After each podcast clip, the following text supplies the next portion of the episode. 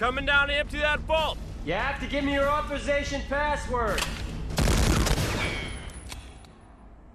Okay.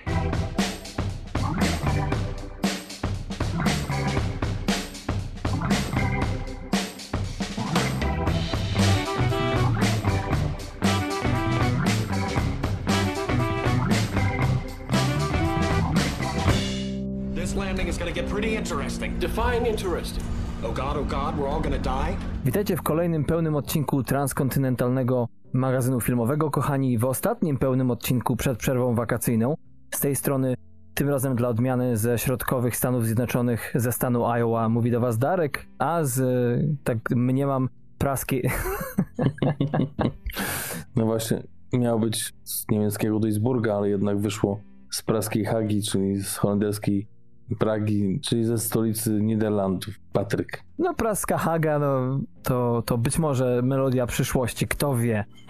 Ale rzeczywiście, przemieszczamy się trochę tu i ówdzie. Ja teraz zjechałem na teoretycznie nieokreślony okres czasu do Iowa, żeby uciec trochę przed Nowym Jorkiem, który generalnie póki co jest zamknięty, bezrobotny i w zasadzie y, strata czasu płacić tyle pieniędzy za mm, no, szczurą norę, jak to się mówi, y, bo tutaj wysoki standard to jest po prostu działający kran i nieodchodząca fuga z podłogi. A to powiem ci, to do nas tutaj, myślę, z gronem fanów przed radioodbiornikami, to chyba nas zaskoczyłeś takim opisem Nowego Jorku. Jeszcze nie słyszałem tego swoich ust, żeby to takie... Nigdy tak się, że tak powiem w cudzysłowie, nie chwaliłeś. Aha, nie no, nawet e, dzisiaj teściowa pokazywała mi, oglądałem z nią kilka scen z musicalu The Little Shop of Horrors z roku 80 bodajże drugiego czy trzeciego, jakoś tak. W każdym bądź razie właśnie tam była Suddenly Seymour, taka można powiedzieć najbardziej znana, czy jedna z najbardziej znanych piosenek. I na końcu tej piosenki, kiedy tam wszystko się dzieje w alejce właśnie między budynkami, mówi do mnie, no popatrzcie, to, to też Nowy Jork. Jak to to też Nowy Jork? To przede wszystkim Nowy Jork. Rzeczywiście Nowy Jork ma tak piękną, kto był ten wie, jak i no brudną y, stronę. I teraz jak y, jesteśmy poza Nowym Jorkiem, ale z drugiej strony już zastanawiamy się za ile wrócić i gdzie. Już tęsknicie, tak? Jeszcze nie, ale już tak y, staramy się jakby wybiec w przyszłość, być dwa kroki przynajmniej teoretycznie do przodu, jeśli chodzi o plany. Więc jak ktoś się pyta mnie o standard mieszkania, który nas zadowoli, to zawsze mówię, że dopóki kran nie cieknie i drzwi się zamykają, to trafiliśmy w dziesiątkę. Wiemy, że jakaś tam grupa Polaków z Nowego Jorku nas słucha, to wiedzą dokładnie o co chodzi. A zwłaszcza na Greenpointie polskim, który zrobił się teraz mocno drogi i za małą klitkę trzeba mocno płacić, to tym bardziej. Jest to rzecz prawdziwa. Patryku, co tam u ciebie? Jak e, radzisz sobie z rzeczywistością i wiem, że teraz szykuje się u ciebie urlop. Dokładnie tak jest. Jak mówisz, zbliża się urlop, który prawdopodobnie nie pokryje się z planami, które wystosowała moja żona wcześniej, czy jakieś wojaże po zachodniej, czy też południowej Europie, Francja, Włochy. No, z racji tego, co się dzieje na świecie, no, globalnie nawet urasta w siłę ta nasza kochana już w cudzysłowie zaraza, Gadzina. tak, to chyba skupimy się jednak na Polsce, tym bardziej, że tutaj mm, powoli się wszystko w miarę otwiera. Ludzie jeszcze mają tą świadomość, co się dzieje, ale jednak e, obostrzenia trochę zależały i może gdzieś pojeździmy po, nie wiem, jakichś Kazimierzach czy innych Katarzynach. Tak, no ja, tak jak powiedziałem tobie przed nagraniem, jadąc z Nowego Jorku, bo podróż do Iowa trwała 18 godzin z hakiem, to rzeczywiście miałem wrażenie, że im dalej od Nowego Jorku, tym mniej koronawirusa, w sensie samej świadomości, że istnieje. Sądząc po tym, jak traktowały obostrzenia całe rzesze ludzi, bo często było tak, że jak zatrzymaliśmy się na stacji benzynowej, a to były jedyne nasze postoje, to oczywiście sklep miał na przedniej szybie wszelkie wytyczne dotyczące tego, jak należy się zachowywać w sklepie, ale też, że trzeba mieć maskę i tak dalej. No to jednak większość wychodzących ludzi ze stacji, z budynku, no raczej nie widziała, była tej karteczki, bądź co bądź pokaźnego formatu na wejściu. To się strasznie kłóci w mojej głowie przynajmniej, bo teraz właśnie no dla nas nie jest to czas wypoczynku mimo wszystko. Mentalnie jest gdzieś coś z tyłu głowy, że, że pewne rzeczy się dzieją. Mając w pamięci to, co się działo w Nowym Jorku, będąc tutaj, gdzie w zasadzie nic się nie dzieje, to tak jesteśmy nieufni jak, wiesz, jak bezdrożny pies. Tak, na wygnaniu. No ja spędziłem ostatnie kilka dni, tydzień prawie w Niemczech i w porównaniu do tego, co jest w Holandii, czyli obowiązki noszenia masek, czy właśnie w sklepach, czy nawet w hotelu, w którym przebywałem, czy co najgorsze w zakładzie pracy, w którym akurat miałem kontrakt, to muszę przyznać, że z przyjemnością wróciłem na chwilę do Holandii, żeby tutaj normalnie poddychać, bo to trochę to można powiedzieć było lekko przytłaczające. Wiem, że w Polsce też tak było, podobnie jak w Niemczech, co z drugiej strony przyniosło efekty jednak, bo w Niemczech było sporo tych zachorowań, a na ten moment y, oficjalna ilość, oficjalna liczba chorych to jest około 6 tysięcy, więc naprawdę mało. Dwa razy chyba mniej niż w Polsce, Mhm. ale jednak y, no, niemiecki naród przyzwyczajony do trzymania dyscypliny, więc tam ten wirus sobie nie poszalał i nie szaleje na razie. Tutaj jest inaczej, w Polsce też, no każdy kraj trochę inaczej. W Stanach, nie wiem, chyba jest to samo w każdym stanie, tak? Czy też jest, są jakieś różnice? Tak, tak, tak, oczywiście. Przez to, że Stany Zjednoczone to nie jest de facto kraj, tylko związek, to tutaj można powiedzieć, że mamy 50 różnych państw. Niektóre są bardzo podobne, ale niektóre zupełnie z innej planety. No właśnie, więc e, dlatego dobrze jest chociaż e, na te trzy tygodnie, bo na tyle wyjeżdżamy, gdzieś się przemieścić i, i zobaczymy, jak to z tym wszystkim będzie się działo. Nie wiem, czy widziałeś ostatnio dość niepokojące wieści o tym, że coś się znowu zaczyna w Chinach, w Pekinie, na, Tak, znowu tak. na jakimś rynku. Łosoś skurczybek. Tak, wiem, że miasto teraz zostało zamknięte, więc oby to tym razem w zarodku utłukli i żeby ten powrót do jakichś tam stadium normalności odbywał się nadal. No tak, e, tutaj ciężko stwierdzić, b- jak to wszystko pójdzie, bo oczywiście większość stanów zaczęła się otwierać już kilka dobrych tygodni temu i oczywiście widzimy teraz ogromne wzrosty, można powiedzieć rekordowe, mm, jeśli chodzi o dzienny przyrost w takich stanach jak Floryda, nawet Oklahoma. Swoją drogą właśnie Oklahoma to jest miejsce, gdzie jutro, bo ten podcast nagrywamy, u mnie to jest jeszcze piątek 19 czerwca, Patryku u ciebie już sobota.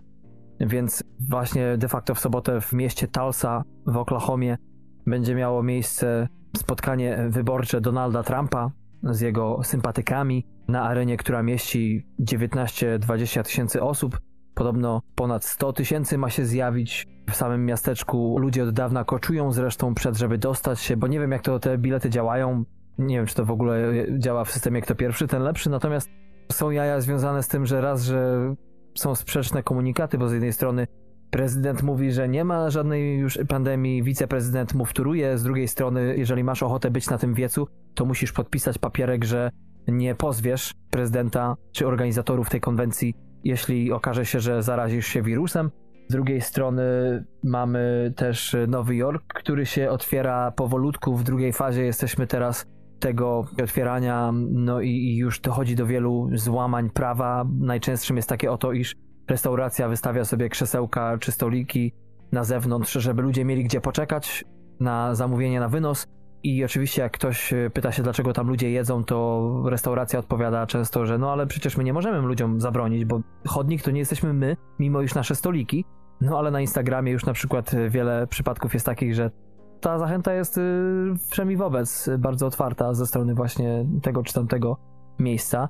No oprócz tego mieliśmy te protesty ostatnio, Black Lives Matter, o których było głośno i też pod moim domem działy się zadymy i też ludzie noszą, nie noszą te maseczki, więc troszeczkę żyjemy w takiej alternatywnej rzeczywistości, gdzie z jednej strony jest ten wirus, z drugiej go nie ma, bo są ważniejsze sprawy i dobrze, że chyba są wakacje, bo troszeczkę, troszeczkę tego za dużo się dzieje chyba. To jest tak jak opowiadaliśmy sobie teraz o filmach, jakie oglądamy i dla mnie właśnie to Boże Ciało polskie, nasze Oscarowe, nominowane, było właśnie takim czymś, co z jednej strony jak już chciało mnie czymś zachwycić, to z drugiej strony od razu to scenariuszowo bardzo często wyrzuciło przez okno i taka dychotomia nie jest zazwyczaj zdrowa na dłuższą metę. Ja też, bo dzisiaj mamy na rozkładzie film science fiction, ale też myślałem może o jakiejś alternatywie, bo ja akurat ten film wybrałem i czekałem na decyzję, czy też liberum veto z twojej strony, czy jedziemy Mm, z tematem, czy nie i próbowałem takiego filmu, nie wiem czy kojarzysz, Kosmiczna Załoga tak, tak. z 1999 roku. I powiem szczerze, że oceny dość wysokie. Akurat na Filmwebie to jest 6,4, ale już na IMDb jest powyżej 7, Mm. no to jednak nie przekonał mnie ten żart, ten humor. Nawet nie chodzi o to, że, że humor mi nie pasował, tylko mnie po prostu on nie śmieszył.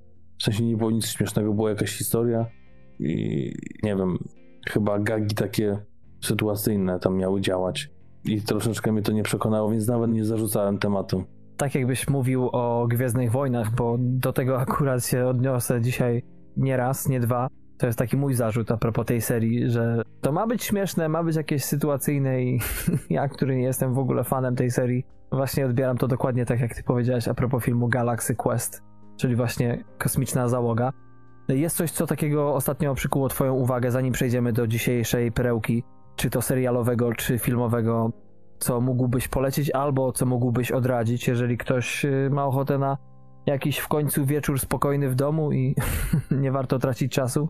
Wiesz co, zacząłem oglądać jak zostałem gangsterem i o tym rozmawialiśmy przed wejściem. Mhm. Jeszcze nie skończyłem tego filmu, ale zapowiada się dobrze, więc y, myślę, że jeszcze miałem go też poleconego przez naszego wspólnego kolegę Kubę, który wybrał ten film właśnie nad psy w pewnym momencie, jak jeszcze kina były otwarte i tutaj widzę potencjał, zresztą oceny są wysokie, więc mam nadzieję, że tutaj będzie ok i że myślę, że no te pierwsze 10-15 minut spokojnie powinny wystarczyć na to i to polecenie znajomego, że, że będzie to dobry seans.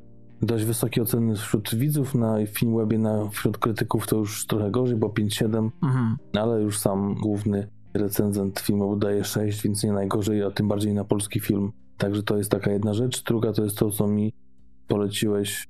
I know this match is true. Tak, czyli to wiem na pewno. Tak, to wiem na pewno. Z Markiem Ruffalo. Serial, w którym gra bliźniaków. Właśnie to ciekawe, że czytałem y, o tym, jak mocno ćwiczył do tego chudszego brata, a nic nie, nie słyszałem o tym, jak jadł do tego grubego, więc nie wiem, czy akurat zastała go to produkcja właśnie w tej drugiej fazie, tej grubszej. nie wiem, ale wiem, że mocno pracował nad tą swoją rolą. Po pierwszym odcinku jestem i muszę powiedzieć, że tak no, na razie na dwoje babka wróżyła. Nie jestem do końca przekonany, ale myślę, że patrząc po ocenach i po tym, że ty też zachwalasz po kilku odcinkach, to powinno być dobrze.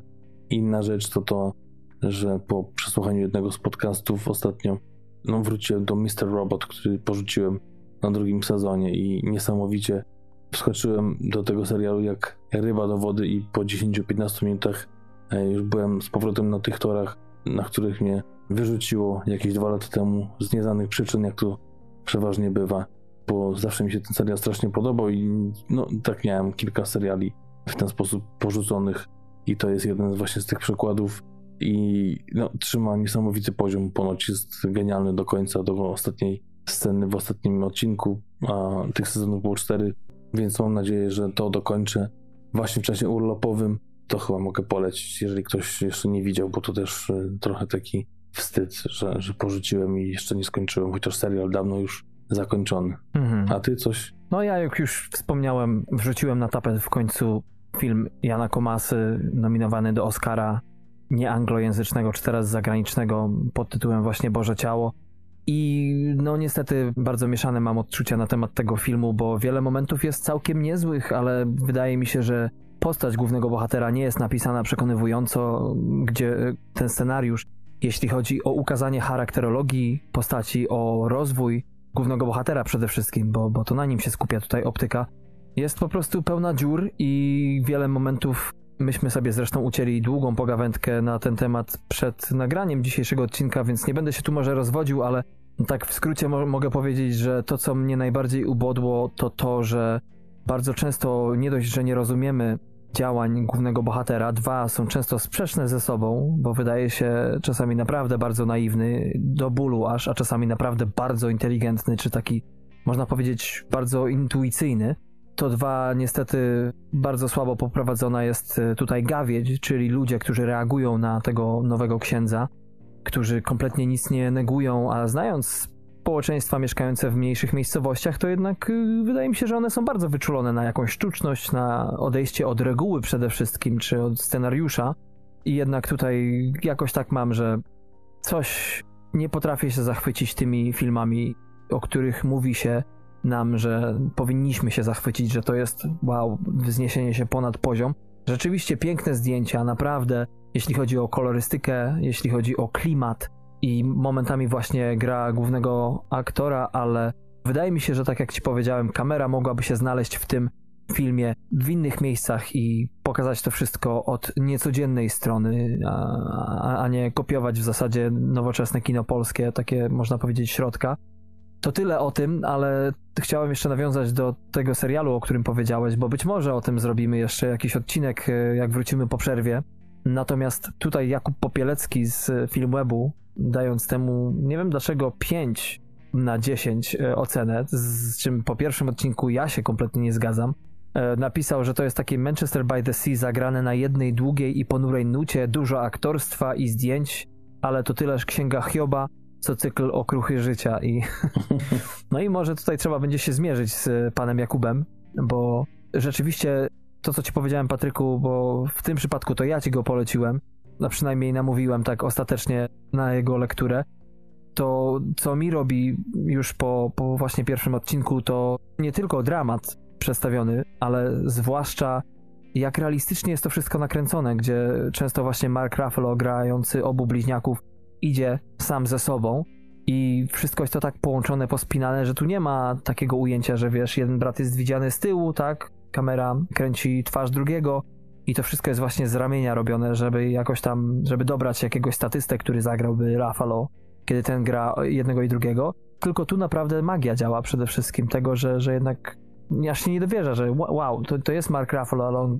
nie dość, że przeszedł taką metamorfozę, jak wspomniałeś, do tej drugiej postaci, tego brata z problemami psychicznymi. I tutaj rzeczywiście on jest zupełnie innej, można powiedzieć, postury, innej fizjonomii, więc to działa, a z drugiej strony jeszcze mamy takie smaczki, które to wszystko jakby jeszcze bardziej nakręcają i zapominam, że to jest Mark Ruffalo. Moim zdaniem rola życia zresztą, tak to wygląda po pierwszym odcinku. Bo gra genialnie, nie wiem czy możesz się zgodzić ze mną, mimo że nie obejrzeliśmy jeszcze za dużo. Mm, tak, chociaż y, no nie wiem, jak to na przykład potem przyrównam do chyba mojej ulubionej jego roli w filmie The Kids Are Alright. Nie pamiętam teraz tytułu polskiego. Dzieciaki są w porządku? Czekaj, nie. Bo to jest jeden z filmów z lat 70. nie wiem. The Kids Are Alright. Wszystko w porządku, tak. Mhm. Tam mnie ujął najbardziej. Oprócz tego jego rola w Zakochanym bez pamięci, chociaż mała, to też dość pamiętliwa. Mhm. Więc zobaczymy, czy to będzie u mnie też numer jeden. Są jakieś przecież filmy jak Foxcatcher, ale akurat tam średnio mi podszedł. Myślę, że najbardziej ulubiona moja postać, jeśli chodzi o całego Marvela czy tych Avengersów, mhm. chociaż tego nie oglądam, to zawsze jak jakaś mignie mi scena z jego udziałem, to jakoś tak przynajmniej w tym momencie mi się miło zrobi, bo tak to za bardzo nie znoszę tych filmów, a tutaj no zobaczymy. Trzymam kciuki za serial, bo wysoka ocena i jak mówisz, że jest dobrze, to może i jest dobrze. No tak jest z Markiem Ruffalo, że on jednak gra często takie, można powiedzieć, postaci jednego kalibru, przynajmniej w ostatnich latach, bo tutaj mogę nawet się zatrzymać na chwilę, jeśli chodzi o jego rolę w filmie Spotlight. Oczywiście to była świetna rola i tam też e, za kilka rzeczy go nominowano i do Oscara, zresztą to była jedna z jego trzech nominacji w karierze, ale tutaj wydaje mi się, że właśnie w przypadku tego serialu jest to jeszcze jakby z jednej strony gra, powiedzmy, tego bardziej ogarniętego brata. No nie chcemy zdradzać za bardzo, jak ktoś będzie chciał, to sobie pogrzebie w temacie, ale to tutaj jednak bardziej jest bliższy temu, co już zdarzyło mu się zagrać w życiu, ale z drugiej strony ten jego brat właśnie, którym trzeba się opiekować, no to jest majstersztyk, bo ja jako aktor często właśnie spoglądam, zwłaszcza w takim przypadku, na jednego aktora grającego dwie różne postacie, Szukam różnych przyruchów, e, patrzę na jego mimikę, gesty, sposób poruszania się, żeby zobaczyć, czy ten aktor rzeczywiście wciela się w postać, czy przez postać jednak prześwituje aktor, bo wielu tak marzy, potrafi zagrać tylko siebie i wyłącznie. I tutaj, no, Mark Ruffalo właśnie budzi we mnie ogromny szacunek. Nie to, że go nie doceniałem, ale można powiedzieć, cieszę się bardzo, że w końcu ma taką możliwość zagrania pełną gębą. I mam nadzieję, że tak to pójdzie w kolejnych odcinkach, bo serial ma nie najgorsze oceny, naprawdę nie najgorsze oceny. A mówię, to jest ciężki serial, ciężki temat, a z drugiej strony, no, no nie zawsze można oglądać tylko i wyłącznie wielką, prawda? Chociaż można pewnie ją i dwa, i trzy razy obejrzeć. No też się znowu przymierzam do kolejnego seansu. No ja niedługo z żoną zacznę, także już, już zacieram ręce. A to, co jeszcze chciałbym dorzucić a propos naszego housekeepingu, to to, że nie wiem, czy słyszałeś, że już teraz wstępnie przez y, koronawirusa rozdanie nagród Oscarów w przyszłym roku jest przesunięte na kwiecień. Widziałem, że też w związku z tą decyzją inne festiwale są przesuwane, właśnie żeby trochę być bliżej Oscarów. Tak, tak. A takim dość moim zdaniem wesołym newsem jest to, wyczytałem ostatnio, że twórcy mody na sukces, nie wiem czy słyszałeś. No, pff, czy słyszałem? Wszystkie wakacje spędzone u babci. tak, ale czy słyszałeś o tym newsie, że właśnie zastanawiam się, czy to jest tylko taka wymówka, żeby to, co pokazują na ekranie, było zgodne z tymi wysokimi standardami higieny, a to coś w procesie produkcyjnym to jest inna sprawa, ale wyskoczył taki news chyba 2 czy 3 dni temu, że ponoć już od dawna mają w garderobach i generalnie na planie przygotowane takie postacie jakby kukły, lalki takie, mhm. które mają zostać teraz wykorzystane w kręceniu najbliższych odcinków w scenach intymnych, żeby zachować higienę. Oni nie mogą po prostu, wiesz, coś przez szybę, tak? No nie będzie autentycznie, ale powiem ci, że... Ej, brak inwencji twórczej. No właśnie to jest to, czy to jest tylko taki, wiesz, na odczep się, że jak ktoś zobaczy nowy odcinek, scenę łóżkową, nie wiem w ogóle jak to ma wyglądać, ale załóżmy, że jest jakaś scena łóżkowa i... Tak, to zobaczą kolejną anomalisę. Tak, dokładnie. I ktoś się zapyta, ale jak, jak? Przecież higiena na, na planie, odstęp i w ogóle. A, a my wykorzystaliśmy kukłę i żeby już jakby przed y, premierami nowych odcinków w zarodku już zabić te plotki i te podejrzenia, to wypuścili takiego mm. fajnego newsa na weekend. Wiesz, zobaczymy, może to będzie jakaś nowa jakość telewizyjna. Ciężko oceniać efekty przed realizacją. No ale na poważnie, no zobaczymy jak to wszystko będzie. Na pewno cały ten proces produkcyjny, kręcenia i tak dalej został, zostanie i jest wywrócony do góry nogami i coś z tego trzeba będzie ulepić. To tyle, jeśli chodzi o housekeeping, kochani, naszą taką formę przywitania się wydłużoną z wami, bo też dobrze jest y, na chwilę ogarnąć, gdzie jesteśmy na tym świecie, my, czyli Patryk i ja. Też nie jest tak, że plotkujemy non-stop o różnych rzeczach. Nie ma tego czasu, w zasadzie rozmawiamy tylko przy okazji nagrania.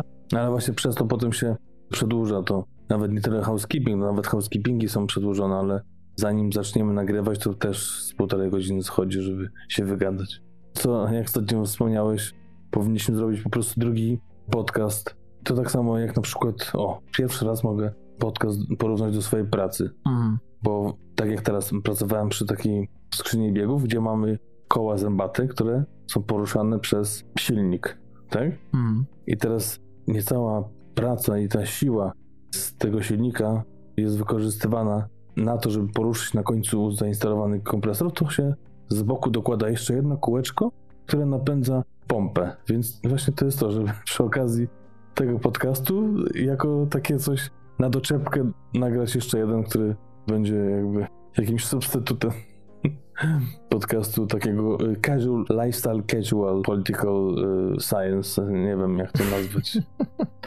No nie wiem, czy aż tak ambitnie bywa, ale, ale, mamy już nawet nazwę, wydaje mi się, po prostu pompa. E, no fakt, to jest często też nasza zmora, bo my się mocno hamujemy, żeby nie wygadać się za bardzo, nie wystrzelać przed anteną a propos jakiejś danej produkcji, a bywa tak, że aż te wszystkie takie poboczne nasze konwersacje lawirują coraz mocniej, oscylują wokół tego głównego tematu naszego odcinka i no i potem okazuje się, że kurczę, mogliśmy po prostu nagrać ten housekeeping, bo być może z drugiej strony nie wiem, czy to po prostu nie za duża megalomania, ale... ale... Nie, ale to wiesz, Darek, kończąc ten temat, to tak jak kiedyś ci powiedziałem, to nawet nie chodzi o to, żeby może dograć nowy podcast, tylko to, że czasami te rzeczy, które mówimy o tych produkcjach, o których potem e, jest już na wizji, w cudzysłowie, mm. czy fonii, to do tego nie wracamy, bo gdzieś tam w podświadomości mamy no to, nie. że już się z tego wygadaliśmy. Dokładnie, nabój opuścił komorę i nie ma, że boli. No, o, piękne porównanie. I tym optymistycznym, poetyckim akcentem, kochani, przechodzimy do dzisiejszego odcinka głównego tematu. Film zaproponowany mi przez Patryka, debiut legendy, można powiedzieć, kina sci-fi już, człowieka, który pochodził z bardzo uznanej, można powiedzieć, rodziny linii, jeśli chodzi o twórców, bo i dziadek i ojciec też tworzyli scenariusze. Mowa o Joshie Widonie oczywiście i jego Serenity z 2005 roku.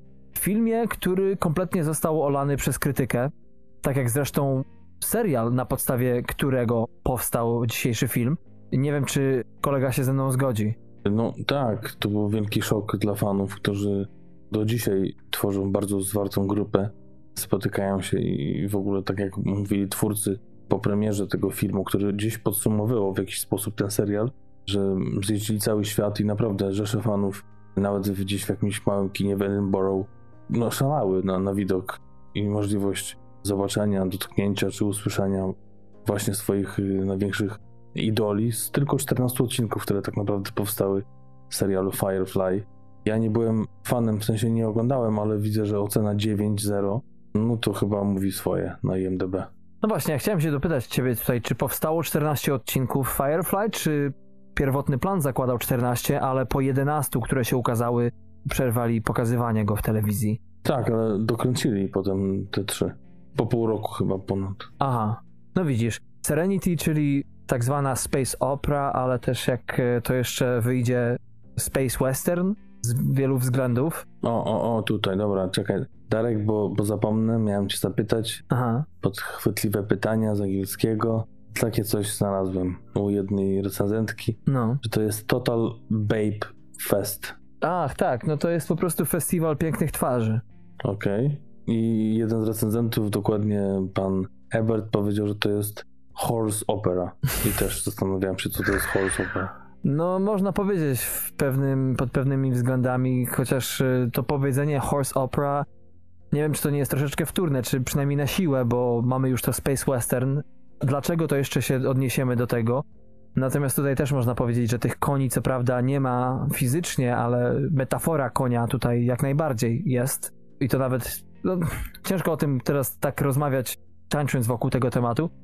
Ale no, no nie wiem, no dla mnie to jest przede wszystkim space opera, bo tak jak sobie przypomnimy, Darek, nie tylko... Darek, miałeś odpowiedzieć na pytania, nic co się rozwijać, co to dla ciebie jest. E, odpowiedziałeś i tam nie ciągnij. A przepraszam, jakie było pytanie? Odpowiedziałem w końcu na nie? No pokrętnie, jak to zwykle bywa, ale odpowiedziałeś. Na pierwsze lepiej niż na drugie. No ja może wyjdę z takim argumentem. Moim zdaniem, i tutaj nie zgodzę się z pewnym krytykiem, który powiedział, że ten film może nie być dla typowych fanów sci-fi, natomiast moim zdaniem ten film jest przede wszystkim dla, no nie antyfanów, ale ludzi takich jak ja, którym nie leżą pierwsze z brzegu produkcje science fiction, tylko my mamy wymagania co do każdego zresztą gatunku, ale zwłaszcza sci-fi, że to musi być w pewien sposób oryginalne, a nie papka. I moim zdaniem ten film właśnie trafił do mnie z tego względu. Jakbyś się do tego odniósł? Ja chciałem cię zacytować, czekaj chwilę. Może spłaszczę, zmienię jedno słowo. Serenity świetny, od razu pełen sandał. Rozumiem, że gaz do dechy. E, Zastanawiam się, co to tam za spłaszczenie wymsknęło mi się, ale... No ten świetny to trochę jest takie złagodzone dla dzieci. Aha, no to uff. No właśnie, fakt. To jest film, który nie czeka na nic, tylko od razu leci do przodu. I właśnie pytanie, jakbyś na początku skomentował to, że z jednej strony ten film został kompletnie olany. Wiadomo, że serial padł dlatego, że stacja Fox po prostu bała się, że ten. No tam było kilka obostrzeń e, a propos scenariusza, ale też bała się, że po prostu ten serial jest zbyt mroczny. No i z drugiej strony, wiesz, Whedon w końcu dostał kasę na dzisiejszy film i mimo wszystko też gdzieś on tam przeszedł bokiem. Natomiast y, nie jest to kolejna, nie wiem czy się zgodzisz ze mną, kopia takich znanych tytułów jak Star Wars czy Star Trek przecież, czy Dune nawet. Wiesz, nie myślę, że on miał gdzieś tam w zamyśle większą, szerszą tą historię i tutaj musiał ją nagle zakończyć po tych kilkunastu odcinkach, ale potem chyba 2003 jak zakończono projekcję właśnie tego serialu, a potem w 2005 mieliśmy premierę Serenity, z tego co kojarzę to chyba w maju zakończono zdjęcia. Mhm. Wydaje się, że no ktoś zaufał mu, tak? Pojawiły się też inne tytuły, w których brał udział i generalnie, chociaż aż mi się nie chce wierzyć, dziś wyczytałem, że to był uznany ten serial za jeden z najgorszych w tamtych czasach i dlatego go zdecydowano zamknąć, ale przez właśnie rzesze fanów, przez to jak świetnie sprzedawało się DVD, to tak jak yy, mówiłem, dokręcono te trzy odcinki, a potem jeszcze była kasa. Całkiem niemało, jak na film, który podsumowuje jakąś serię telewizyjną, czyli 39 milionów dolarów. Mhm. Całkiem nieźle. I przecież też nie była to żadna klapa, może za dużo nie zarobił, bo porównywalne są te kwoty, też mówi się o 40 milionach. więc pewnie plus reklama, marketing, pewnie lekki minus był, ale, ale taki, że, że myślę, że dało się przeżyć. Tym bardziej pewnie po sprzedaży tego DVD. A reżyser dopiął swego już kolejny raz, tylko że w drugą stronę, bo w 92 roku zrobił film Buffy Postrach Wampirów, który był totalną klapą. Okazało się, że w bardzo wielu momentach musiał iść na kompromis z producentami, z twórcami serialu i w ogóle nie miał tak naprawdę wolnej ręki, a potem po kilku latach pozwolono mu zrobić serial, który był hitem przecież. Tak. I przez krytykę uznany i w ogóle na całym świecie i na Polsacie pamiętam leciało to na, na okrągło. No właśnie, chyba był niedawno, czy kilka lat temu ogłoszony najlepszym serialem sci-fi w historii. Fantazy, przepraszam. No, widzisz. Tutaj poszło to w drugą stronę, ale też mu zaufano, zresztą patrząc po całej jego karierze, to jest to człowiek chyba, na którego warto stawiać. Zresztą już dużo, wiele lat wcześniej brał udział w bardzo ciekawych pozycjach. Y, przecież nominacje do Oscara za scenariusz do Toy Story Mhm. w 95, więc y, to nie jest postać znikąd. I tyle. No jedyne, co chyba można delikatnie by było zarzucić, to to tak na początek, że jest to jednak taki lekko jakby film, jednak w stylu telewizyjnym, bardziej niż kinowym. Tak, no zresztą jeśli chodzi o ten serial, to jeden z tych odcinków właśnie nazywał się Serenity i to był ten odcinek, który był takim, można powiedzieć, streszczeniem całego serialu, bo tam zresztą też e, właśnie mieliśmy najbardziej rozrysowaną tą drogę tych wszystkich postaci, kim są, dokąd zmierzają i jakie perypetie między innymi mogą je czekać.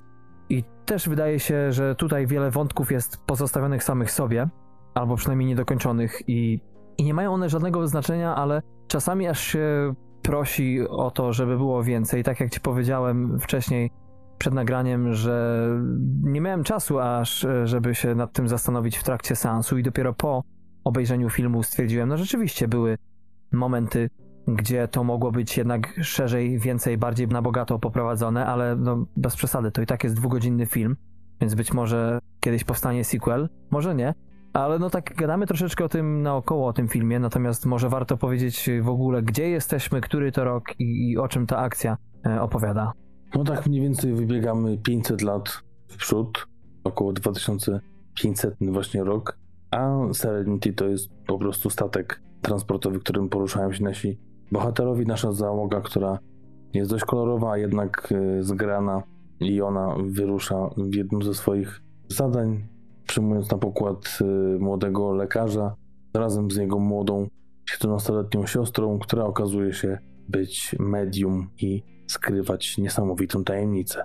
Dokładnie. No i tutaj oczywiście pojawiają się komplikacje z jakiegoś tam powodu, i tym powodem jest to, że tak jak można powiedzieć w przypadku Gwiezdnych Wojen, bo dzisiejszy film to jest taki styl, jeszcze to wyjdzie, ale to stylistycznie jest naprawdę amalgamat wielu pozycji.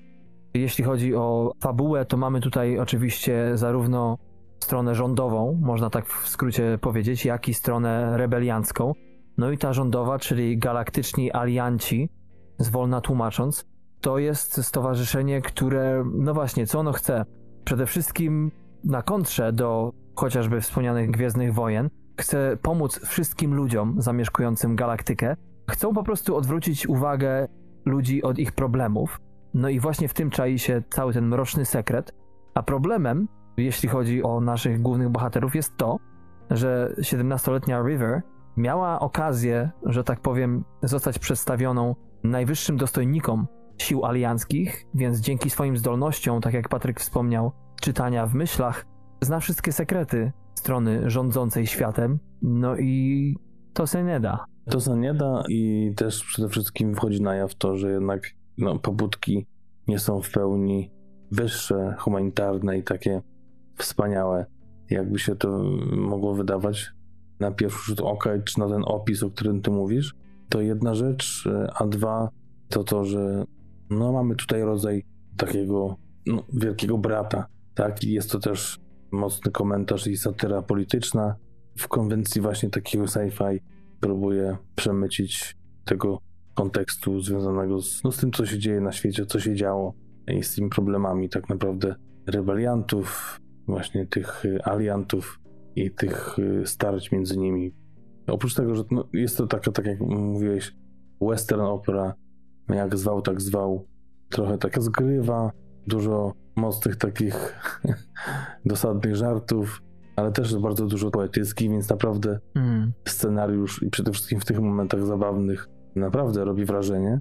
Myślę, że jest to taka uczta dla nie tylko tych właśnie wielkich fanów, bo też niektóre recenzje mówią o tym, że jest to najgorszy film sci-fi dla tych, którzy nie oglądali serialu, którzy w ogóle nic prawdopodobnie nie wyłapią i będą główkować, co od czego zależy i co z czego wynika. Totalnie się z tym nie zgadzam, zresztą ty chyba też. Mm. I to samo mówił reżyser, że wiadomo, że lepiej znać jakieś tam powiązania postaci, historię, ale jednak jako taki oddzielny twór też się broni i na różnych polach, nie tylko sci-fi, ale też i właśnie i komediowo, i taki buddy movie, można powiedzieć. I myślę, że dla każdego coś fajnego, coś dobrego, chociaż nie bez wad, jak to przeważnie bywa. Tak, co też zresztą dodaje mu wiele uroku, bo ten film mógłby być stawiany na jednej półce razem właśnie z tą Duną, wcześniejszą z lat 70., czy właśnie z Gwiezdnymi Wojnami, a z drugiej strony właśnie te takie niedoskonałości i w ogóle ta lekkość stylu w swojej różnorodności sprawia, że ten film stoi na zupełnie innej półce, niekoniecznie niższej, ale jest to zupełnie inny kaliber i też wart docenienia, też wart pochylenia się nad, bo tak jak powiedziałeś a propos czy trzeba znać historię, czy trzeba oglądać serial, żeby wiedzieć o co chodzi. Ja nie widziałem tego serialu przed obejrzeniem filmu. Widziałem tylko dwa odcinki dziś przed nagraniem. I muszę powiedzieć, że tak jak zawsze mówię o Gwiezdnych Wojnach, czy o Harrym Potterze, i tu przypomina mi się zawsze ten wywiad, który udzielił pewien krytyk i strasznie jechał po filmie Harry'ego Pottera, a ktoś powiedział, no ale przecież książka, ale mówi, ale ja przecież mówię o filmie.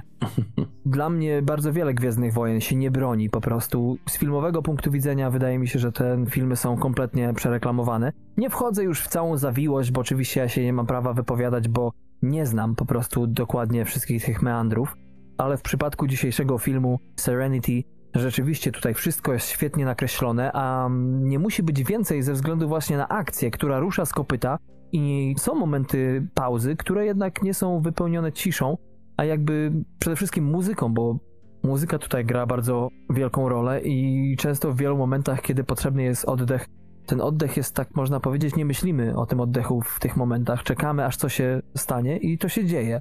Jeszcze nie wspomnieliśmy o Riverach, czyli można powiedzieć kreaturach, bez których wczesna twórczość Widona nie miałaby sensu, którzy tutaj dodają też takiego, można powiedzieć, nie aż dużego smaczku jak w serialu, ale też są to postaci, no, które nie cofną się przed niczym. No tak, jeszcze taki mamy właśnie wątek ala zombie, który zombie nie jest, ale tego typu stworzenia, które chcą no, w bestialski sposób postąpić z ludźmi i do tego wszystkiego mamy, e, jak to powiedział nie Josh, tylko Joss Whedon, not bad looking actors, bo to było w recenzji u Eberta, nie wiem, nazwał go takim troszeczkę niepozornym facetem, to może na kontrze do tego, ja się akurat nie wypowiadam na temat jego urody, ale fakt faktem, brzydotą tutaj nie śmierdzi, jeśli chodzi o główną obsadę. Mamy przecież dziewczynę Deadpoola, Morenę Bakarin, mamy Ginę Torres, która dalej gra w serialu w garniturach, właścicielkę kancelarii prawniczej.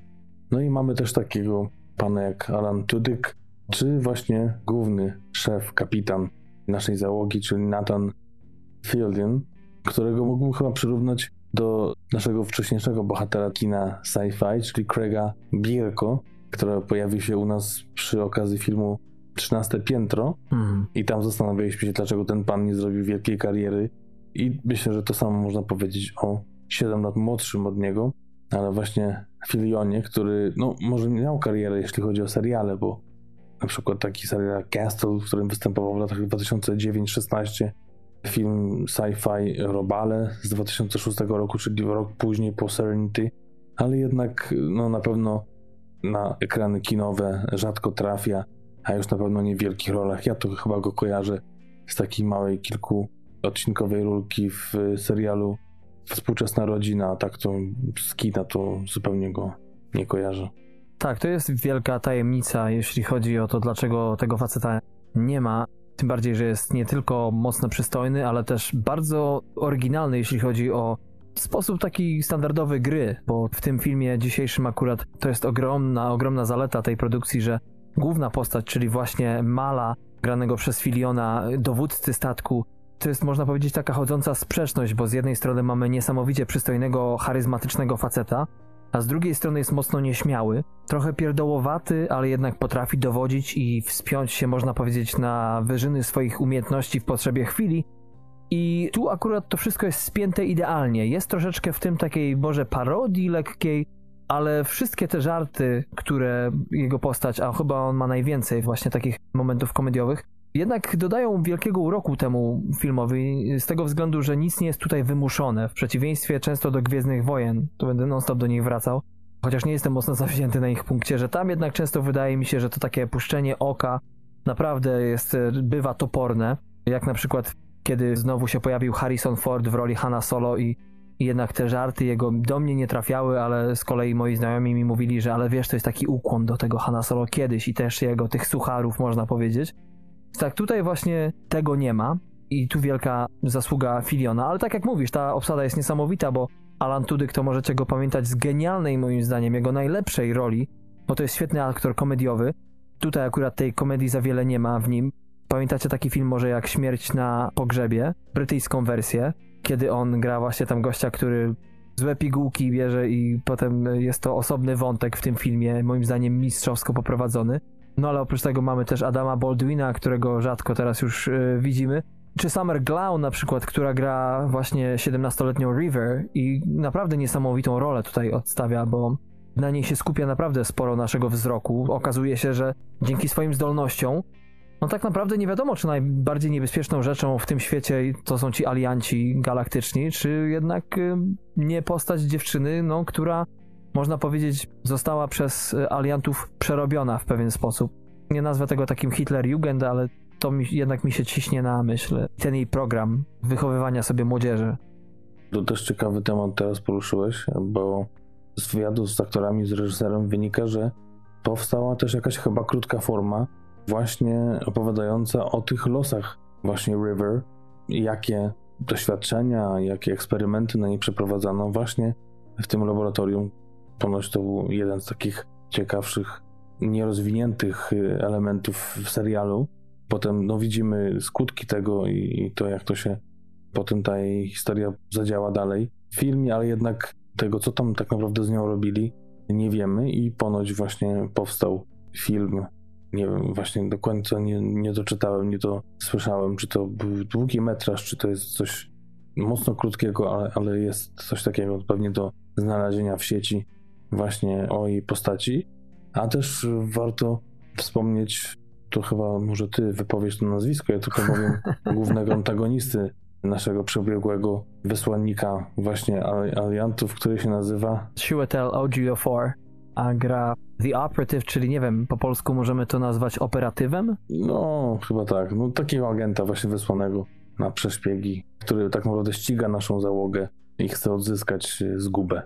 No i tak wydaje się, że to chyba jest jedyna rozsądna postać po tej złej stronie, bo rzeczywiście, no raz, że rządzi wszystkim, można powiedzieć, to dwa jeszcze te argumenty intelektualne, które wysuwa bardzo często on, można powiedzieć, trzyma w pionie tę swoją stronę, to rzeczywiście tutaj go windują bardzo wysoko, jeśli chodzi o ciekawość postaci, status.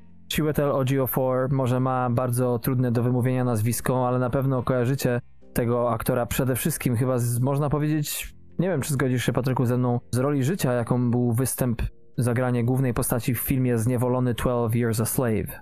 Tak, na pewno. Zresztą ten pan przewija się w kilku filmach, które gdzieś tam y, myślę o tym, żeby wziąć na tapet i przedstawić tobie i potem wam, kochani.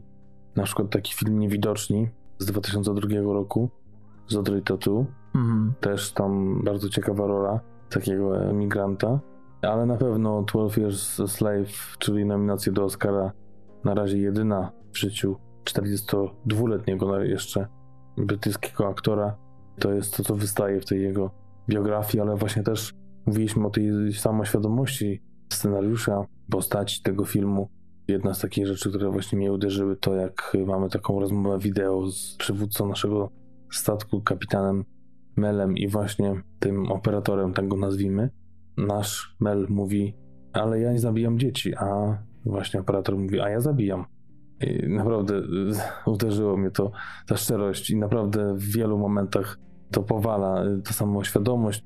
Z drugiej strony mamy właśnie takie ciężkie tematy, jak ten właśnie, który teraz powiedziałem, który właśnie uznaje, że dla jakichś wyższych celów po prostu po trupach, tak, nieważne Mhm. jakiego kalibru by były, to z drugiej strony mamy te żartobliwe sytuacje, które zupełnie są o 180 stopni przekręcone i ten balans taki idealnie wpasowuje się ta mroczność z tym po prostu jasnym, czasami sztubackim żartem, chociaż najczęściej jednak dość wysublimowane. Nawet z prostych żartów moim zdaniem robią takie małe cudeńka, jak na przykład, no nie będę przytaczał słów, ale to jak wyczuł to nasz kapitan, że u jego byłej dziewczyny coś jest nie tak z rozmowy wideo, to ten żart też siedzi mi mocno w głowie. Naprawdę, naprawdę dialogowo to jest coś naprawdę fantastycznego. No można powiedzieć, że to aż cud, że zadziałało, bo kilku krytyków może nie dokręca śruby temu filmowi na propos właśnie humoru czy dialogów, ale jednak niektórym nie do końca podpasowuje ten styl. Bardziej dla nich jest to takie ślizganie się po krawędzi twórcy dzisiejszego filmu Widona, ale ja jednak tutaj kompletnie będę po twojej stronie. Oprócz tego, że te żarty przez całą obsadę są świetnie podawane, naprawdę ta tak zwana delivery jest tak w punkt, że tutaj znowu przepraszam, że tak jadę na to, ale Gwiezdne Wojny mam czasami wrażenie w tych gorszych filmach, że jest taki żart i film czeka, aż się widz zaśmieje, po prostu wymusza ten humor. A tu tego nie ma kompletnie. Często wyczuwałem po prostu po jakimś żarcie idealny moment ciszy, kiedy to wszystko lądowało i dalej szliśmy z akcją. Ale chcę tutaj też y, wspomnieć o mieszaninie stylów, jeśli chodzi o język y, sam, bo można powiedzieć, że mamy tutaj troszeczkę nowoczesnej, XXII-wiecznej gadki, ale też i troszeczkę archaicznego, XIX-wiecznego, można powiedzieć, stylu. I tutaj to powiedzenie space opera, czy space western bardziej, ma jak najbardziej odniesienie, z tego względu, iż czasami ma się wrażenie, że to wszystko jest takie właśnie troszeczkę z XIX wieku, kiedy kowboje jeszcze tam na ziemi zasuwali poprzez pustynię, bijąc się o każdy skrawek ziemi z Indianami i o ostatnią sakiewkę pieniędzy między sobą. A tutaj mamy oczywiście zupełnie inny świat, mamy powiedzmy te konie mechaniczne latające w powietrzu. To jeszcze przecież jest ten przepiękny moim zdaniem motyw właśnie takiej archaiczności nie tylko w wyglądzie tych statków, w tej całej technice, która jest bajeczna, ale właśnie rodem z PRL-u, że tak zażartuję, to jeszcze broń używana w tym filmie, zarówno pokładowa, jak i osobista, też właśnie sprawia, że ten film po prostu bardziej świeży być nie może. No nie, no właśnie tak pomyślałem sobie, że ten termin space western to jest tylko no, ten styl taki może gromady ludzi, grupy, która gdzieś tam wojuje na tych swoich konikach, czyli tych stateczkach, ale jednak to też się przekłada właśnie i na stroje, i na ubiory, i tak jak mówisz, na tę broń nawet, która wydawałaby się, no, w takich Gwiezdnych Wojnach to, to by nie zadziałała, tak by się odbijała od tych pancerzy może, że jakby taka zbyt prymitywna i właśnie zbyt westernowa, zbyt XIX-wieczna, można nawet powiedzieć, Mhm. a to jest przecież 2500, już teraz nie pamiętam, który tam rok, 17. 17, więc no to też dodaje i uroku, i tak jak mówisz, o- oryginalności. I to, szczerze powiedziawszy, mnie ta historia wciągnęła. Jeden z krytyków mówił o tym, że nie obchodzi go, jak ktoś umiera w tym filmie. Mhm. Ja wiem, czy mi jakoś przeszkadza, czy mi to jakoś boli, a to z drugiej strony, czy to wpływa na odbiór filmu. Umierają jakieś ideały, przekazywane są jakieś prawdy w bardziej czy mniej oryginalny sposób, ale to dalej lecimy do przodu. Dalej to jest taki space action, można powiedzieć, z naprawdę efektami specjalnymi, których raczej się nie powstydzą No nie. nawet e, pewnie za parę lat i z przyjemnością się to ogląda. Nie ma żadnych zgrzytów w tych całych CGI-ach, które tutaj są co chwilę nawrzucane. Myślę, że to wszystko działa na wielu poziomach i no może ta telewizyjność, tak myślę sobie, trochę ujmuje, bo jednak 40 milionów to nie jest dynastia, tylko już porządne kino, może nie na porządne kino sci-fi, chociaż to było, pamiętajmy, 15 lat temu. To nie jest film sprzed chwili, Mhm. tego to już swój ciężar historyczny y, nosi. Kto wie, czy może nie powstanie kiedyś jakiś sequel. Zakończenie może nam coś takiego podpowiadać, chociaż żadnych zapowiedzi ze strony Widona nie było jeszcze. No tak, chociaż z drugiej strony trzeba powiedzieć, że tak, film się nie zestarzał. ponieważ ja go widziałem kilka dni temu i fakt, oglądało się go jakby był mniej budżetowy, ale naprawdę zrobiony przez specjalistów po nocach, że tak powiem. Na tym to wszystko polega, ta cała magia. A dzisiaj jeszcze przecież często powraca się i w muzyce, i w filmie do, można powiedzieć, do skromności takiej audiowizualnej, gdzie to wszystko nie musi być napompowane. Avengersi moim zdaniem to już kompletnie nie trafiają w dzisiejsze czasy, gdzie jednak trzeba szukać nowej formy, bo jak się coś tłucze non-stop, to potem są niektórzy tacy, jak e, zakładam ty i ja, że jednak trzeba poszukiwać nowej drogi, bo już nie można tego schabowego jeść non-stop, to już po prostu nie leży.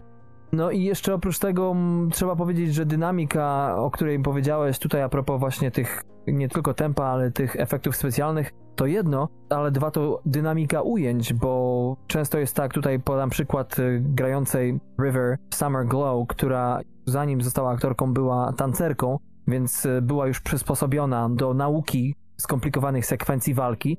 I te rzeczywiście tutaj są na bardzo wysokim poziomie, nie są zbyt długie, nie są zbyt przegadane, no i oprócz tego, że fenomenalnie tutaj e, wychodzi to nie tylko i tej aktorce, ale też i Shiwetelowi i Nathanowi Filionowi, którzy też mają swoje pojedynki i też to wszystko fajnie wygląda. Wielokrotnie miało się nawet wrażenie, że, że nie wiadomo było komu się kibicuje, czy jednemu, czy drugiemu, bo oczywiście kibicuje się temu dobremu, ale fajnie będzie jak się trochę jeszcze pookładają, więc często tutaj się trzymało kciuki za to. To jeszcze w, często w przypadku właśnie naszej Summer Kamerzysta, który brał udział w tej scenie, sam był tancerzem uprzednio, więc dzięki temu można było poprowadzić tak choreografię, żeby on uchwycił po prostu jak najbardziej dynamiczne kąty samej walki, będąc w środku tego, tylko śledząc kamerą z różnych pozycji to, co się dzieje. No to chyba mówi samo za siebie, a jeszcze o muzyce nawet nic nie wspomnieliśmy. No, już tam wspomniałeś, że to fajnie się zgrywa i też daje wydźwięk kolejnym scenom, więc to też jest fajne, ale myślę, że też i takie małe postacie, zresztą to też ciekawe, nie wiem, próbowałem wrócić pamięcią do innych y, wywiadów z innymi twórcami. Whedon mówił o tym, że każda postać y, w tym filmie, czy to ma mniejszą rolę, czy większą, ma ten moment, kiedy jest śmieszna, kiedy jest heroiczna, kiedy właśnie gra główne skrzypce. Trochę to wygląda jak jego teraźniejsi Avengersi, także, że ma tych bohaterów i każdy ma jakąś supermoc. Tutaj na pewno supermocą są żarty każdej z tych postaci. Zresztą jeden z recenzentów wspomina o tym, że dla niego na przykład e, pani Summer Glow, która wciela się właśnie w River, jest ulubioną postacią tylko dlatego, że uśmiech ma jak e, Gizmo z Gremlinów. Więc no, ona też ma takie dwa czy trzy momenty, gdzie tą minę taką robi, właśnie też tak wracam pamięcią do tych scen, że faktycznie robi tą minę jak Gizmo, trochę tak na kontrze do tego, co się dzieje, czy jakby wychodziła trochę z tej konwencji, w której w danym momencie się znajduje, czy sytuacji, ale jednak to wszystko się fajnie zgrywa i faktycznie nawet te małe role, na przykład Kaylee, czyli Jewel State, pani mechanik, czy mechaniczka główna na statku naszym, ma niesamowite sceny i też taką wdzięczną rolę odgrywa. Adam Baldwin, który oficjalnie mówi się o tym, że nie jest spokrewniony e, z rodem Baldwinów, ale gdzieś wyczytałem, że, że jakby pogrzebać i cofnąć się do wieku XVII czy XVI nawet, to, to, to gdzieś tam te drzewa genealogiczne się... Przyszło im się zwąchać, tak. Tak jest. Się, się jednak zgrywają. To też taki mięśniak, który też dodaje uroku mm. i mhm.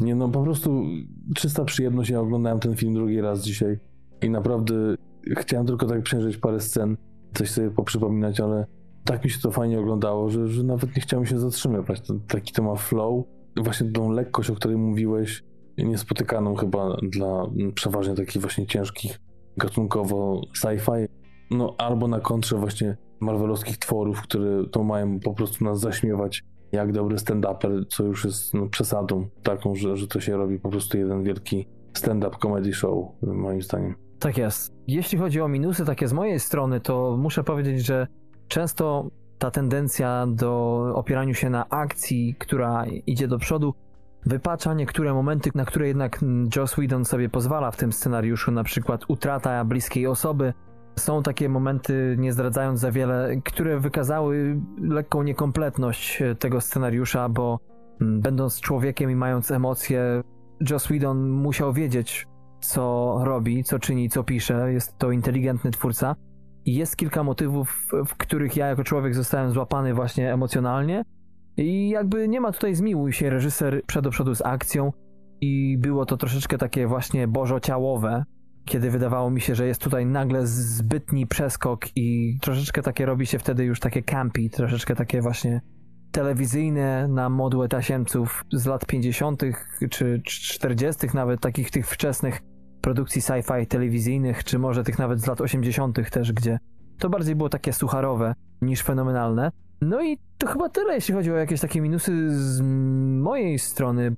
A jakie ty, powiedz mi, masz zastrzeżenia? Bo już coś tam wspomniałeś, ale czy jest coś takiego, co jakaś scena, czy jakiś motyw, wątek, który jednak, rozumiejąc to, że tutaj nie ma czasu na rozwijanie wszystkiego, że trzeba być tutaj ekonomicznym, a przecież trochę się dzieje, to czy tutaj jednak coś byś zarzucił twórcy filmu, czy jednak to jakoś tam nie ma znaczenia dla ciebie? Wiesz co, no przede wszystkim mówiłeś o tym, że nie ma czasu trochę na rozwijanie tych postaci. No, to jest ta rzecz, yy, która po prostu jest rzeczą znaną z tego powodu, że oglądaliśmy serial wcześniej, tak? Tam Mm. przez te 14 odcinków te postacie były rozwijane, więc w jakiś sposób te przeskoki muszą być naturalne, bo to jest organiczne przedłużenie, to nie jest substytut, to nie jest coś podsumowujące film, tylko po, po prostu dalsze losy, więc yy, no, da się tego oglądać właśnie pomijając to, że, że nie zagłębimy się za bardzo w te charakterologiczne rysy naszych bohaterów, tylko to gdzieś tam pewnie trzeba odkryć potem przy obejrzeniu serialu, czy zostawić to tak jak jest i podążać za tą akcją, więc to jest to, o czym chciałem mu powiedzieć, jeśli chodzi o to takie parcie do przodu, bez zbytniego zatrzymywania się. To, co przeważnie jednak bywa częścią takiego filmu, gdzie opowiadamy o jakiejś grupie przyjaciół, czy grupie ludzi, gdzie no, chcemy wiedzieć dlaczego, czy wypadałoby wiedzieć, dlaczego postać postępuje tak, a nie inaczej, co nią powoduje, jakie losy, czy co tam się w jego życiu działo. Tutaj tego nie ma, a jeśli chodzi o moje minusy, to może to, że na początku, jak zacząłem ten film oglądać, to tak jak y, i te tempo było fajne i ta chemia między tą załogą, między tak naprawdę wszystkimi postaciami, chociaż trochę ten Tudyk z Torres trochę komicznie wyglądali jak para, bo nie dość, że Torres wyższy od niego pół głowy, to tak jakoś charakterem to chyba nie, nie pasowaliby razem, no ale to może, nie wiem, może takie złudzenie, że jakoś to chcieli postawić bardziej na aktorów niż na to, jaką oni tworzą parę na ekranie tak naprawdę, bo to było małżeństwo, więc to nie jest jakaś przygodna znajomość, tylko po prostu grali małżeństwo na, na ekranie. To, że Bakarin było mało, a oprócz tego, no co, wydaje mi się, że trochę jednak mógł być dłuższy, bo wydaje się, że tej akcji było na tyle fajnie, zgrabnie wsadzonej w te dwie godziny, że jakby było no takie 20 minut więcej, to, to mi się nie poskarżył. Chociaż, no nie wiem, jakby to było w sumie z tą całością, jakby to wpłynęło na, na odbiór całego filmu, ale jakoś mi tak szybko minął i jakkolwiek dobre jest to uczucie niedosytu, to jednak trochę mi się wydawało, że ten niedosyt był zbyt duży. Postaci i zawiązania akcji i też tych akcji ostatecznych, czyli tego final fight, czy jak to zawsze się nazywa w tych filmach, takich właśnie akcji, tych właśnie westernach, Tak, tak. gdzie ci najważniejsi toczą na końcu walkę o to tak naprawdę w jakim kierunku pójdzie zakończenie filmu. No i chyba tyle. Y, Może taka lekko wydawałoby się telewizyjność tego filmu, ale tak naprawdę to chyba to, że to się dzieje głównie, te sceny w takich małych, y, zamkniętych miejscach, przede wszystkim na tym statku, czy w tych aglomeracjach kosmicznych, gdzie nie są to wielkie przestrzenie, y, brakowało mi takiego wyjścia gdzieś do jakiegoś miasta, które jest takie otwarte, to wszystko zamknięte, wszystko w jakiś jakby pod jakąś kapsułą. Mhm. To akurat tutaj porównując do Gwiezdnych Wojen, to tutaj tego mi brakowało i światła, e, jasności i takich większych terenów. Było tylko chyba jeden, tylko czy dwa pościgi były właśnie na takich otwartych terenach, a brakowało mi takich właśnie szerszych koncepcji miast w tych czasach. Czyli po prostu tobie się nie podoba urbanistyka, tak? Krótko rzecz ujmując. O, tak jest. Tak słuchając tego, to muszę ci powiedzieć, uspokoić raczej, że moim zdaniem przynajmniej skromnym czepiasz się.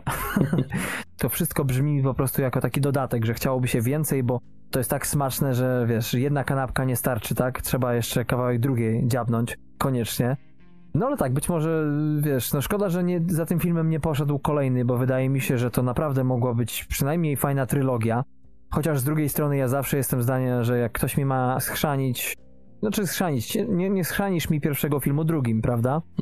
Ale jako całość uważam, że, że to nawet zdrowie jest takie, przynajmniej zawsze mam przeświadczenie dla ludzkości, jeżeli rzeczywiście troszeczkę tonujemy te swoje tęsknoty i nie musimy widzieć kolejnego klanu w każdym filmie, tak? Czyli tasiemca, który się nigdy nie skończy. Może to się robi kultowe, jeśli to jest jednorazowo podane widzom, ale z drugiej strony no, o to chodzi, tak? I też na tym się zasadza nasz podcast, że w obliczu tego zalewu mainstreamu właśnie te filmy to są te takie przerwy bardzo smaczne, żeby zresetować się troszeczkę przy czymś bardziej wyjątkowym. Podobno Nathan Fillion przysłużył się ogromnie twórcom filmu z tego względu, iż w momencie, kiedy trwała preprodukcja i on i aktorzy mieli okazję obejrzeć te wszystkie blueprinty, te wszystkie plany, a propos właśnie nie tylko plenerów, ale przede wszystkim tych statków, to Nathan Fillion robił zdjęcia mm, tym rzeczom i potem okazało się, że nagle plany, zwłaszcza właśnie statku Serenity, zniknęły w niewyjaśnionych okolicznościach. Wszystko to możliwe było do odtworzenia właśnie dzięki temu, że Filion powiedział, przeczekajcie, ja to chyba mam w JPEGach. Ciekawe. Czy ty masz jakieś smaczki, którymi mógłbyś się z nami podzielić? E, wiesz to, no, ponoć bardzo ciekawa i rozbudowana jest wersja DVD z bardzo ciekawym komentarzem, Mhm. z postprodukcją, z y, urywkami z zakulis i tam między innymi y, Josh Whedon mówi, że na przykład ten operatyw, jak go nazwaliśmy, czyli główny antagonista naszych bohaterów, jest wzorowany na takich postaciach jak Ralph Fiennes z listy Schindlera, czy też na przykład Daniel Day-Lewis z Gangów Nowego Jorku. O, Więc tutaj ciekawe, że takimi postaciami się dziś wzorował. Myślę, że ciekawą informacją jest też to, że to jest Widona pierwszy film i to nie zapominajmy, bo to jest kolejny znany reżyser, o którym mówimy tutaj i opowiadamy o jego debiucie, tak, tak. bo jakkolwiek wcześniej powstawały te seriale i filmy o Buffy po strachu wampirów, to jednak to były tylko scenopisarskie popisy. Zresztą tak samo, bardzo ciekawa moim zdaniem droga samego Widona, bo zaczynał w ogóle od kilku odcinków Roseanne, potem przyszedł czas na Obcy Przebudzenie w 97 roku, czyli ostatnia część Obcego, tak jak powiedziałem wcześniej Toy Story, ale i też grzebał ponoć przy Speed, Niebezpieczna Prędkość, a potem przyszły takie właśnie filmy jak te, które, z których znany jest najbardziej, czyli ostatni Avengersi. A co ciekawe, że żona, z którą był związany przez 21 lat, rozstał się w 2016 roku. Jakby na to nie patrzeć, to nie wiadomo, czy to jest z wielką okoliczności, ale w 2015 powstał Avengers Czas Ultrona i pytanie, czy się tak nie załamała poziomem tych produkcji, że postanowiła Josa opuścić. No właśnie, ja ją poniekąd rozumiem. No właśnie o tym mówię. A poza tym od tego czasu żadnego filmu nie wyreżyserował jeszcze, także to też ciekawe, czy to jest załamanie takie, czy faktycznie y, żona wiedziała, co w trawie piszczy i kiedy zostawić męża, z którym mają dwójkę dzieci. To by było ciekawe, gdyby to się okazało prawdą. Słuchaj, kocham cię, ale te filmy twoje, wiesz co? No ale tak na, na, na poważnie, rzeczywiście ciężka sprawa z tym reżyserem, bo genialny początek i można powiedzieć w odwrocie do chociażby Christophera Nolana, którego debiut już gościł u nas, czy też braci Coenów.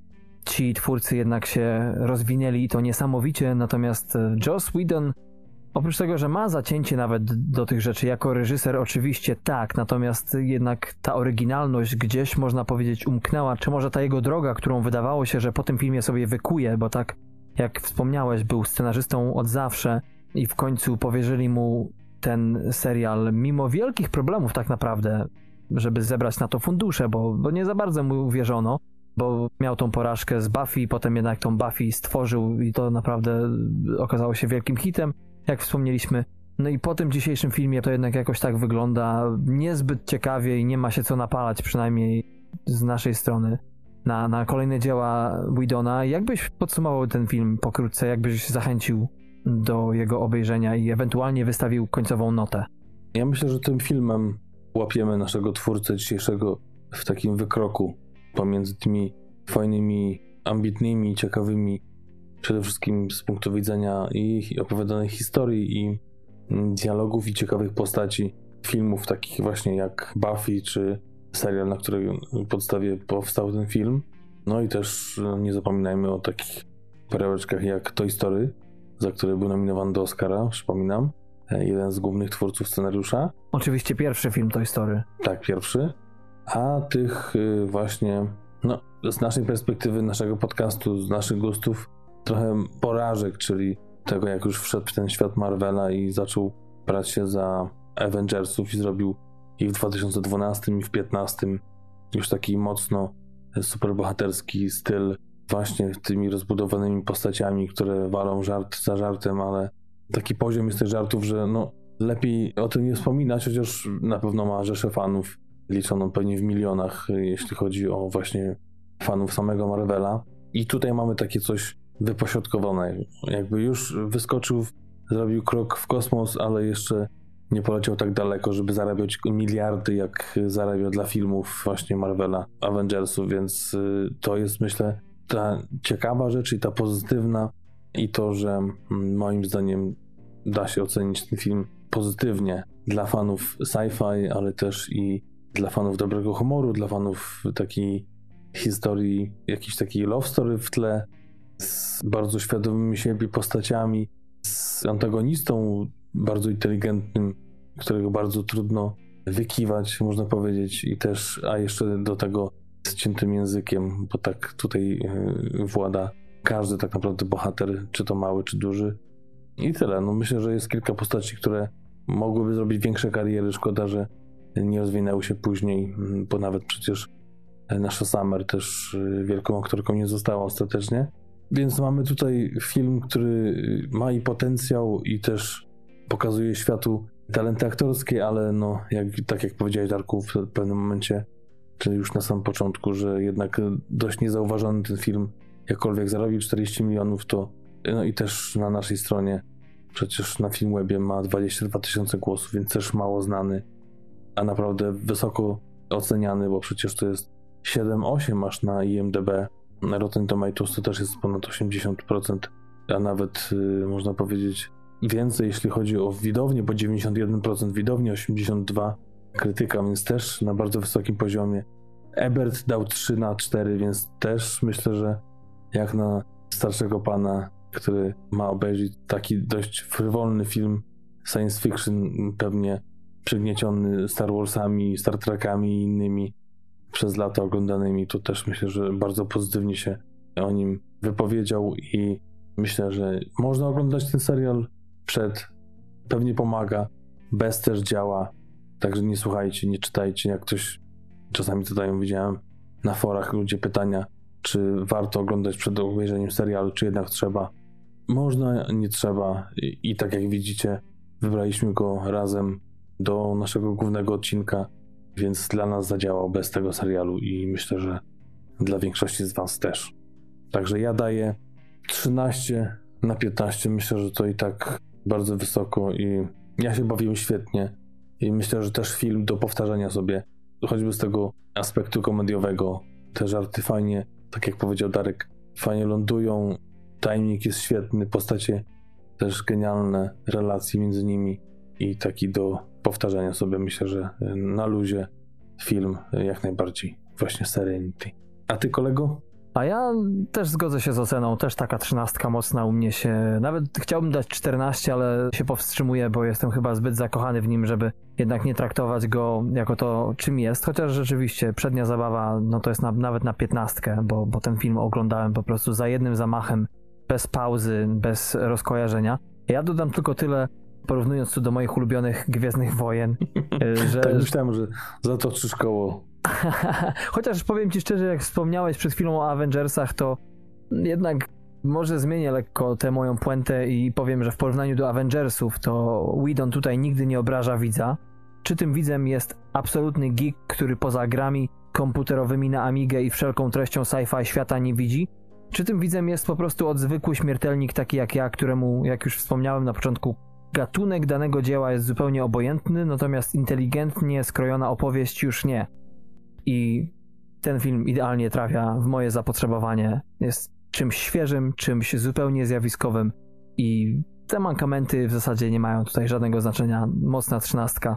Brawo, panie Joss. Szkoda późniejszej twórczości, ale za to jesteśmy, przynajmniej ja jestem osobiście bardzo mocno wdzięczny, bo jest to film, który mogę zawsze polecić komuś, jak uwielbia sci-fi, a tego nie widział, to mam naprawdę coś w arsenale, z czego jestem dumny, chociaż tutaj akurat oprócz naplucia się o nim nic za bardzo tutaj nie wykonałem. A było ciężko znaleźć dobry sci-fi. Oj tak. Udało się. Zobaczymy, co przyniesie przyszłość. Podawajcie nam, jeśli macie jakieś perełeczki, o których moglibyśmy powiedzieć. Właśnie największy problem mamy z horrorami, z animacjami i sci-fi. Oczywiście mówimy o takich nieznanych, bo znane wszyscy prawie znają. Dlatego są znane, tak. tak. Jak sobie sprawdziłem, to ostatni film sci-fi w pełnym odcinku to bodajże było 13 piętro. I to dawno, dawno temu. Potem jeszcze trafiła się Adastra i coś tam jeszcze, ale rzeczywiście mało tutaj tego mamy w naszym podcaście. Oczywiście dla chętnych polecamy nasz odcinek z Metal Rebellion, bo to też jest perełka, ale to tyle w temacie. Dziękujemy kochani za uwagę serdecznie, za to, że jesteście z nami. No i tak jak wspomniałem na początku, jest to ostatni nasz odcinek przed przerwą. No i wracamy w sierpniu z kolejnymi materiałami, zobaczymy co się wykroi. Ostatnio mogliście zauważyć, że sporo wychodzi mini recenzji, a to dlatego, że po prostu ze względu na ciekawą sytuację i małą ilość filmów w kinach, zamiast robić bonusy, stwierdziliśmy, że skoro tak się fajnie nam rozmawia z Patrykiem o rzeczach, które mamy okazję obejrzeć w tym samym czasie, a nie jest ich za wiele, to macie po prostu więcej tego, macie regularnie i nie co dwa tygodnie, jak to było jeszcze niedawno, tylko co tydzień, więc y, mam nadzieję, że ta forma się przyjęła, że jednak te 30 minut to nie jest, no z jednej strony jak dzisiejszy film, za krótko może, ale z drugiej strony na tyle rzeczowo, że nie musimy za to przepraszać. Amen. Tak jest. A ja oczywiście dodaję z obowiązku producencko-reklamowego, redaktorskiego i też tutaj cała redakcja na mnie ciśnie oczywiście www.tmfpodcast.com To jest nasza strona domowa, tam zapraszamy na odcinki starsze, nowsze. Dobijamy do pełnej puli, bo na razie, jak może wiecie, może nie, zmieniliśmy stronę jakiś czas temu i Darek mozolnie raz częściej, raz rzadziej przerzuca z naszej strony starej WordPressowskiej właśnie stare odcinki, więc tam wszystko się znajdzie, oczywiście na aplikacjach, na YouTubie, na Spotify, czy we wszelkich możliwych miejscach, gdzie można znaleźć podcasty, tam są wszystkie nasze odcinki, ale też nasze strony na portalach społecznościowych, TMF podkreśnik dolny podcast, to jest Twitter, a TMF podcast pisane razem, nasza strona na Facebooku oraz na Instagramie. Zapraszamy na dzielenie się spostrzeżeniami, komentarzami, poleceniami i ocenami na wszelkich aplikacjach. To zawsze nam pomoże dotrzeć do większej bazy słuchaczy, a na tym tylko tak naprawdę nam zależy. To tyle z mojej strony. Odhaczone.